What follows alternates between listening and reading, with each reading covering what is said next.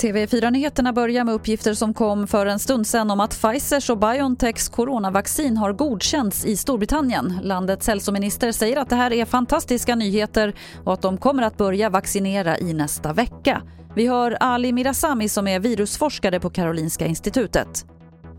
Det är väldigt goda nyheter att eh, de har godkänt den. Eh, alltså deras motsvarighet till Läkemedelsverket har gått igenom resultatet och tyckt att det var tillräckligt bra för att kunna godkänna det. Så det är väldigt goda nyheter och bäddar för att kanske så småningom vi i Sverige också godkänner det.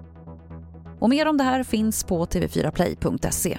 Samtidigt har AstraZeneca börjat tillverka sitt vaccin i stor skala trots att det ännu inte blivit godkänt, rapporterar SR idag. På så sätt står man beredd att kunna leverera hundratals miljoner doser redan i januari.